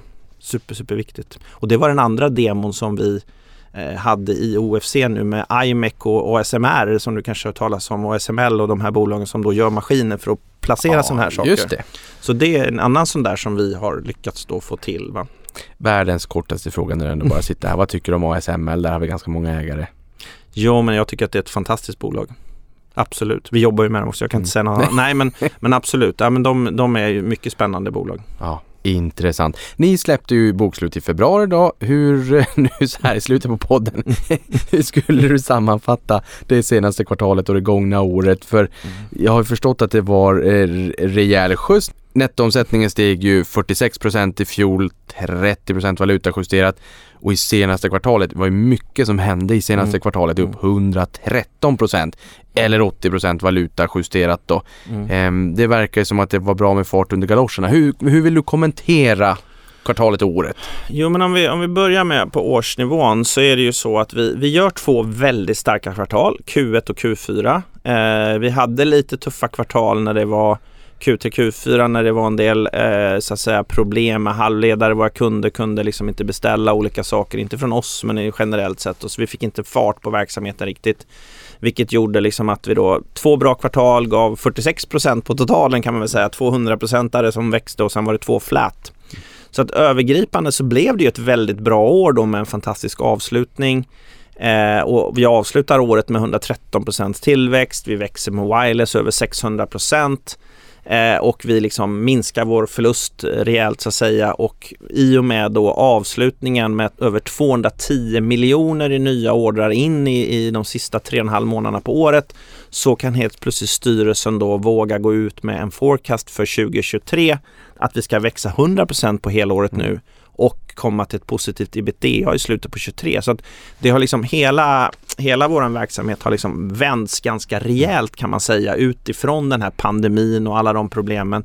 Att nu går vi liksom rakt emot allt elände vi ser där ute och liksom är eh, väldigt confident och vinner affärer och kommer fortsätta vinna massa affärer. Så att vi är liksom, eh, vi, vi är liksom el och vatten någonstans. Alltså, jag tror inte allt det här som händer just nu kommer påverka oss speciellt mycket. Man ska aldrig säga aldrig och får inte knacka i bordet här för högtalarens skull. Men, men, men eh, det, det är ändå så att vi är i ett väldigt bra läge. Ja, och, och, och här tänker jag också, det här är första gången som jag har förstått det som ni ger en prognos. Ja, det är det. Ja. Och ehm, i, i det här fallet då, du säger att bli lönsam på ebitda här mot slutet på året. När tror du att ni är kassaflödespositiva? Vi kommer ju vara i närheten av det på operationell nivå, men eftersom jag då nämner att vi också har förstås stora investeringar kanske i capex-bitar framåt så, så är det klart att det, det är kanske inte riktigt där. Så att jag tror man ska bedöma bolaget på EBIT adjusted ebitda framåt ett tag till.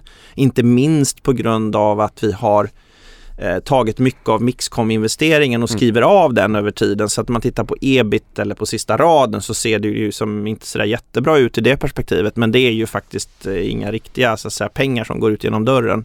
Däremot så är det ju capex då och jag menar vi investerar ju för att bygga ett, eh, så att säga, ett gigantiskt bolag framåt.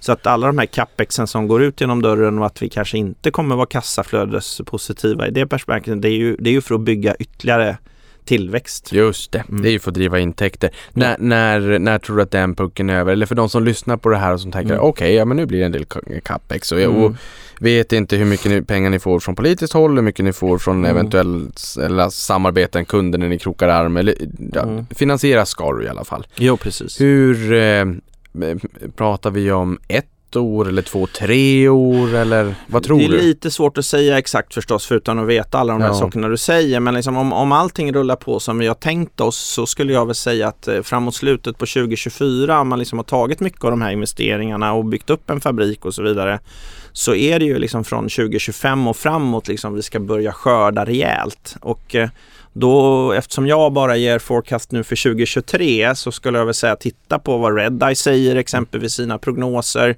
eh, och så vidare. Sen, sen är ju liksom då eh, det här eh, så att säga, Fortune 100-caset i de flesta research-casen lite så digital sak vid sidan om för det är så stort. Det går liksom inte att lägga in på ett vettigt sätt i en prognos. Men, men eh, ur det perspektivet så är det ändå så att vi har en, eh, även utan det skulle jag säga, så har vi en, en väldigt intressant resa om det inte skulle hända. Men just nu så känns det som att vi är on track på det helt Mm. klart också. Och, och, och vad skulle du säga då om, vad gäller er operationella hävstång? För det känns ju som att ni står inför rejält mycket högre volymer. Och, och så pass mycket att ni behöver bygga nya, fa, ny fabrik då. Mm. Men, men hur ska man tänka kring er operationella hävstång? Jag tänker mig som ni, man bör ju kunna se en volymeffekt att det någonstans så s- s- så har ni täckning för de alla fasta kostnader så att Mm, säga och det börjar driva mer. Och det är ju fördelen då för wireless-sidan nu som växer mest kortsiktigt också. Att, att wireless har ju liksom inte så stora behov av capex-investeringar i det perspektivet. Vi tar en del investeringar förstås i samband med de här betalda projekten som vi har. Men i huvudsak så är ju liksom all capex, det gör ju, gör ju våra vänner på Global Foundries åt oss. Så det är fördelen med att vara fabless. Nu har vi ju sett också att kostnaderna har sjunkit, sjunkit tillbaka ganska mycket på Mm. mycket råvaror och sådär. Ehm, har ni märkt av det ännu? För jag tror att råvaror som andel av försäljningen, den gick upp lite grann år över år i fjol jämfört med året innan. Inga konstigheter där, men jag tänker att bord, ser ni att priserna sjunker tillbaka och, och, och gynnar det er i form av, av lite, lite marginalexpansion då? Alltså, vi har ju bra marginaler från början. Vi har liksom varit tydliga med att vi ska ligga på 40-60% i bruttomarginaler ungefär. Och i vissa fall när det gäller Photonics så är vi faktiskt uppe på 70-80 och även liksom tractor train bitar sådär. Eh, men den övergripande biten kan man väl säga så här att det har inte riktigt slagit igenom än och det ser vi ju på övergripande inflationssiffror just nu att Alltså, många av eh, foundriesarna höjde ju liksom priserna och mycket på grund av elektricitetskostnaderna framför allt. Och de kom med sån här el- electricity surcharges och allt möjligt för att liksom höja. Och det har vi liksom då försökt få ut till våra kunder förstås på bästa sätt. Eh, Finns det någon... Däremot så tror jag ju då, det som är slut, slutklämmen här, det är ju liksom att eh, den här eh, semiconductor crunchen som har varit och brist på komponenter och så här, det har ju gjort att priserna liksom har skjutit upp. Men, men nu är vi ju liksom på väg in i den andra biten, att det finns för stora lager istället. Och det skapar ju alltid möjligheter och opportunities, för då vill ju alla sälja, inklusive Global Foundries och andra. Så att jag tror att vi kommer se en, en bättre möjlighet framåt att förhandla priserna på de här sakerna. Även om vi inte har sett det riktigt än så kommer det komma möjligheter på det. Och det är väl där vi liksom nu sitter och tittar på hur vi ska göra det i så fall. Men har vi sett fullt ut effekten eller finns det lite eh, potential kvar att alla prishöjningar ut mot era kunder inte har slagit igenom än? Nej, det har nog slagit igenom skulle jag säga. Jag tror att det, potentialen ligger i att vi ska kunna liksom sänka våra kostnader mer och kanske öka marginalen eller så Mm. får vi eventuellt liksom sänka priserna lite också då för att kompensera. Mm. Och det är framförallt när volym, ju mer man säljer ju mer volym, ju, ju mer kräver kunderna så att säga i, i en, en eh, bättre prissättning Mm, förstås. Så det, det kommer vi nog. Men vi, vi kommer fortfarande kunna definitivt hålla våra 40-60% i, i, i bruttomarginal. Ni meddelar ju i december att ni signerat ett avtal om ett strategiskt samarbete med en europeisk aktör inom satellitkommunikation då värt 16,4 miljoner dollar. Mm. Vad är det här för någonting? Jo, men det är två stycken chip som vi gör då till nästa generations plattform som den här kunden tar fram. Vi har redan då chip idag Eh, till nuvarande plattform. Så att eh, det här är ett eh, mycket intressant utvecklingsprojekt för oss och det är det jag pratade om precis nyligen då det här med att det som då Mixcom hade och nu Sivers Wireless då kunde utveckla vidare chip runt så att säga. Så att, Eh, mycket intressant projekt och det är liksom början kan man väl säga lite grann på den eh, liksom, trycket och draget vi ser i Satcom-industrin som vi förväntar oss kunna se mycket mer av framöver. I förra podden så pratade vi både om eh, radar och lidar Mm. och pratade om autonoma fordon, att de behöver hängslen och livrem. De behöver lite av allting liksom Ja, för att det ska precis. vara, vara säkert sådär. Och i senaste rapporten så står det ju att läsa citat. Sivers Semiconductors meddelar att dess affärsområde Sivers Wireless nära samarbete med det kanadensiska startupbolaget AI Radar har resulterat i en revolutionerande portfölj av sofistikerade radarprodukter. Genom att utgå från Sivers unika RFIC och antennteknologi erbjuder nu AI Radar ett helt nytt recept för utveckling av mycket avancerade radarprodukter lämpade för en rad relevanta applikationer och vertikaler. Slutcitat, slut på romanen också. det här pratade ju, radare pratade du om sist. Det verkar ju ha hänt en del uppenbarligen Ja. sen sist. Det är en av våra design wins som nu har liksom kommit klart då och det är ju en, en radarprodukt som de har valt att bygga våra, använda våra prylar. Så de är ganska, vad ska man säga, versatile våra, våra prylar där man kan göra grejer och då har vi ju liksom radar med både radiovågor och ljus då när det gäller lidar som vi då har liksom kunder på också. Så att eh, absolut, eh, vi kan erbjuda både och och det är ju liksom det vi gör om man säger så. Liksom. Vi gör sensorer som liksom går ut i den analoga världen och skickar ut eh, radiosignaler eller ljus för att liksom mäta någonting. Och i det här fallet då kan man använda det till massa olika saker när det gäller eh, det här kan vara väderradar, alltså allt möjligt. De har ju liksom sin mjukvara bakom i det här där de kan göra massa eh, coola saker med de här radarprylarna. Mm. Och nu sa du någonting, du sa design wins. Ja, Det här pratade också väldigt mycket om i förra avsnittet Ja. och vad det är för någonting, så hur man definierar det. mm. Och du pratade en del också om utvecklingskit, designkit, utvecklingskit som Mm. Ofta ligger EVK, till, ja. Mm. ja, som ligger till grund då för design wins. Att kunderna får, får köper det här och testar och labbar och kommer tillbaka och säger ja, vi kör på det här. Det. Hur går det på den fronten? Är det lika viktigt med design wins idag som, som förut och hur, hur går det då? Men det, det är två bitar med det ska jag säga. Det, det ena är att ja, men en design är väl viktig liksom fortfarande men samtidigt så att vi har, vi har ganska många, vi har ju 60 kunder totalt i, i det här så att säga. Så att prata om enskilda design wins som är längre fram i tiden och vi har också liksom, eh, det, har, det har funnits en del bolag som använder det här ordet lite liksom slarvigt eh, och så. Så att vi har väl valt att inte prata sådär jättemycket om design wins längre utan vi försöker gå ut med pressmeddelanden liksom när kunder vinns eller och så vidare. Så vi, vi räknar inte riktigt det på det sättet idag även om vi liksom har en, en portfölj med massa bolag. Eh, den andra biten är att, ja men förstås, eh, det är ju så att vi säljer EVK som det heter, Evaluation Kits. Och de, de eh, går ju ut till universitet, de går ut till kunder och det är ett sätt för oss att, att få liksom en design win eller en design in eller vad man ska kalla dem för. Och, och det gör vi ju fortfarande och vi säljer väldigt mycket, vi säljer flera hundra stycken liksom om året och så vidare. Men, men det är också så liksom, när man kommit liksom förbi en viss fas och, och liksom kunderna ute i marknaden och, och man kan liksom beskriva både, både på topline och, och så vidare så blir de där sakerna kanske mindre intressanta att liksom prata om he, hela tiden utan det är mycket mer intressant att se liksom vad, vad blir resultatet av det. Mm. Så att vi har väl liksom, kanske tonat ner det lite grann och pratar inte så jättemycket om det i det stora hela utan det är mycket, mycket viktigare att prata om men vilka kunder är det, vad gör de för någonting? Ja, som ta AR Labs, ta Allspace, ta alla de här liksom. vi, vi pratar mer om det och när det kommer och hur det kommer så att säga. Så att, eh, ur det perspektivet så är det kanske inte lika riktigt mycket snack om det längre. Hur påverkas ni då av att Kina nu öppnar upp?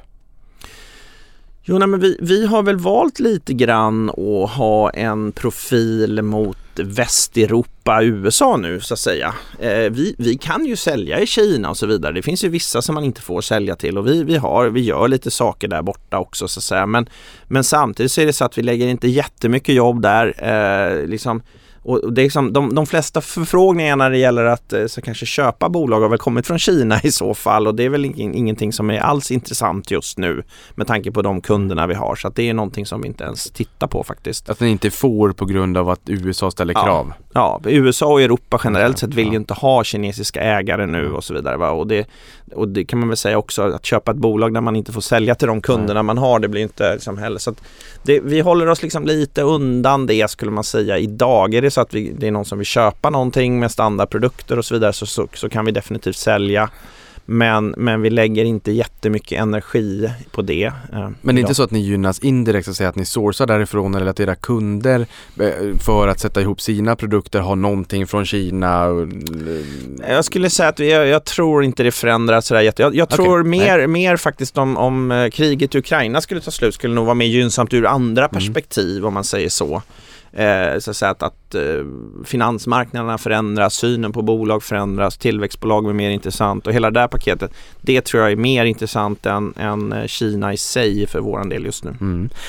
Tiden går fort när man har roligt. Denna podd har kommit till sitt slut. Det, är ju dock så att eh, det är ju väldigt många på Finanstwitter som är väldigt intresserade av Silver Semiconductors.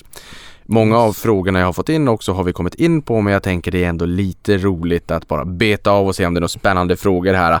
Martin Hjort frågar när avsnittet släpps så fort som möjligt och när man lyssnar på det här då är det redan ute i etern. Marcus eh, Martikainen frågar, frågar gärna om 8 Devices, eventuell fabrik för Photonics i USA och skulle, och skulle stödet från NEMC kunna användas till det och lite mer detaljer kring Fujikura. Mm. Jag uttalar det säkert Det helt säkert fel. rätt. ja, hur tänker du Oj, här? Många frågor på en. Jag ska försöka komma ihåg. Jag menar, 8 Devices, det är ju en kund. eh, De har lagt en order. Vi levererar på de orderna, har levererat. Det kan nog tänkas komma fler order därifrån. Vad det gäller Fujikura så har ju de, de var nere i Barcelona nu. De har gjort en ny antenn med våra saker i också. De kör en del trials fortfarande i Japan på bussar och autonomus sådär. Eh, vi har eh, de här, att bygga ut med den här chipakten där, ja men det kan nog komma in pengar men det är inte kopplat till fabriken. Det är nog mer kopplat, kopplat till defensindustrin. Photonics-fabriken i USA. Ja, och det har vi ju pratat om, Photonics-delarna, eh, så att säga, hur det är tänkt och det, det kan ju bli USA eller Skottland då. Just det. Anton Lilja, han säger att det skulle vara intressant att få en sammanfattning om de olika F100-kunderna. Tänker Mm. främst vilka stadier det är i och vilka branscher de är verksamma i och du sa väl att det var tre till antalet? Ja, precis. Eh, Den är, första har vi gått igenom. Den andra är fortfarande lite on hold. Det är ett researchprojekt. Vi fick en order för dem för ganska många år sedan nu. Det är två år sedan tror jag. Eh, vi har inte fått några vidare besked om det än så länge. Den tredje kunden har vi levererat allting nu i december. De fick vi in i maj förra året. Eh, de har vi levererat allting till nu och vi förväntar oss förstås att kanske gå till nästa steg och det är ju en kund då som håller på med AR och VR och sånt där. Mm. Så kan man gissa vilka de är. per Dahlström, han har skickat in ett gäng här. Han säger Ja. Tier 1-kunden. Kanske han kan lugna skeptikerna som tror att ni har tappat den. Just det, den Tier kund inom eh, basstationer, den är inte alls tappad. Vi ska bygga eh, liksom andra prototypbygget med dem nu under Q2 i år. Så det börjar närma sig. Det här har jag pratat om på ett eh, webbinar tidigare att eh, de har gått ifrån en panel till en större panel och det har gjort att det tar mycket längre tid än vad det var planerat. Men där håller vi på och, eh, och ska bygga saker i Q2. Sen vill han veta någonting om Kremo också, vad är det? Cremo är en eh, syd, äh, sydkoreansk kund som håller på med sån antenn on display. De var nere i Barcelona, de jobbar på det med oss fortfarande, de har börjat köpa lite prototyper och det är liksom eventuellt våran väg in i mobiltelefoner i framtiden eh, där vi kan liksom sälja våra sådana här beamformers. Så att, eh, de har ju en del kunder, de sitter nära Samsung och så vidare så vi får se. Sen är det ju inte så att eh, liksom vi garanterat bara för att de använder oss idag att handsetstillverkaren vill använda vårat chip men det är i alla fall integrerat med det just nu så vi får se. Hmm, så vi ska sitta som fartårar med flera gigabit i telefonen eller luren. Precis. Han är också lite nyfiken på tåglösningar i Tyskland och Japan.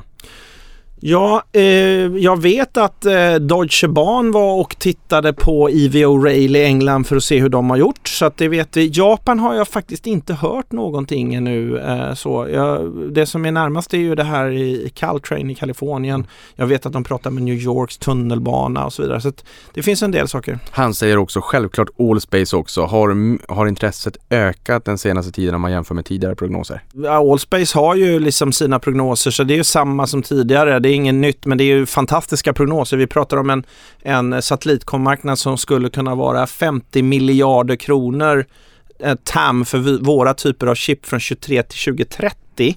Varav vi hoppas att Allspace kan ta 20% av. Så vi pratar 10 miljarder för oss över, över en sjuårsperiod i bästa fall. Eh, så det är väldigt intressant förstås. Eh, och det, det ligger fast eh, skulle jag vilja säga med plus minus sex månader om man kan säga så. Eh, och, eh, men eh, vi har också ökat intresse från massa eh, så att säga, satellitkomkunder för att vi har dem som kund. Så att, säga. så att vi, vi hoppas på mer ordrar där. Pelle Nyström undrar vilken del i affären tror du kommer bli störst hos er då? Wireless eller Photonics? Och nu sa du Wireless har ju varit rejält med fart under galoscherna så att säga.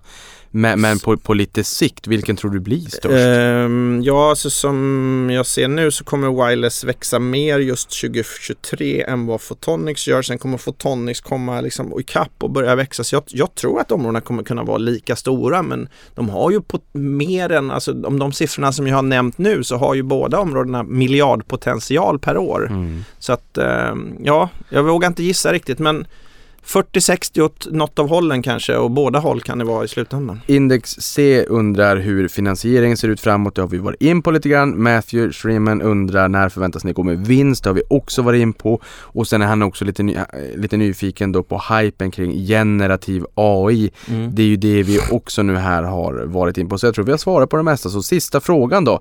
Nostrod säger, vilken är er nästa stora trigger? Och hur ser intresset ut bland institutionella investerare i USA och, Mm. eh, och eller övrigt? Ja. Ja. Så, ja. Den största nästa trigger?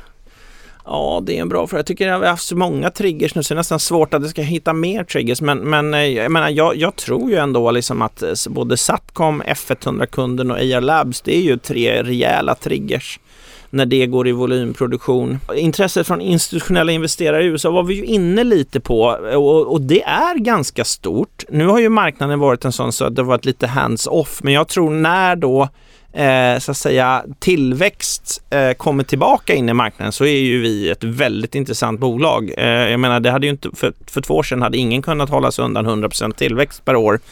Eh, så att säga. Så att, eh, och vi har pratat med väldigt många så att säga, institutionella investerare nu i USA och alla är jätte, jätteintresserade. Men jag tror vi behöver bygga ett market cap 8-10 miljarder. Då kommer de här stora fonderna kunna komma in. För de, de vill ha stora tickets. Mm. De vill inte sitta på små procent. De, de vill köpa 400 miljoner eller något sånt där. Anders, tusen tack för att du kom till podden. Det blir aldrig ett tråkigt avsnitt när du gästar. Det finns alltid väldigt mycket att prata om. Det har varit en fröjd. Ja, men jättekul att vara här. Det är kul att vara tillbaks eh, i den här podden och jag eh, tycker också att vi hade nog kunnat hålla på några timmar till tyvärr. Men, men vi får väl avbryta här nu så folk ska orka lyssna på det också. Ja men underbart. Du som lyssnar på det här, vi hoppas inte att du har somnat och är du fortfarande med oss, stort tack för att du lyssnade på det här. Tack så mycket. Tack.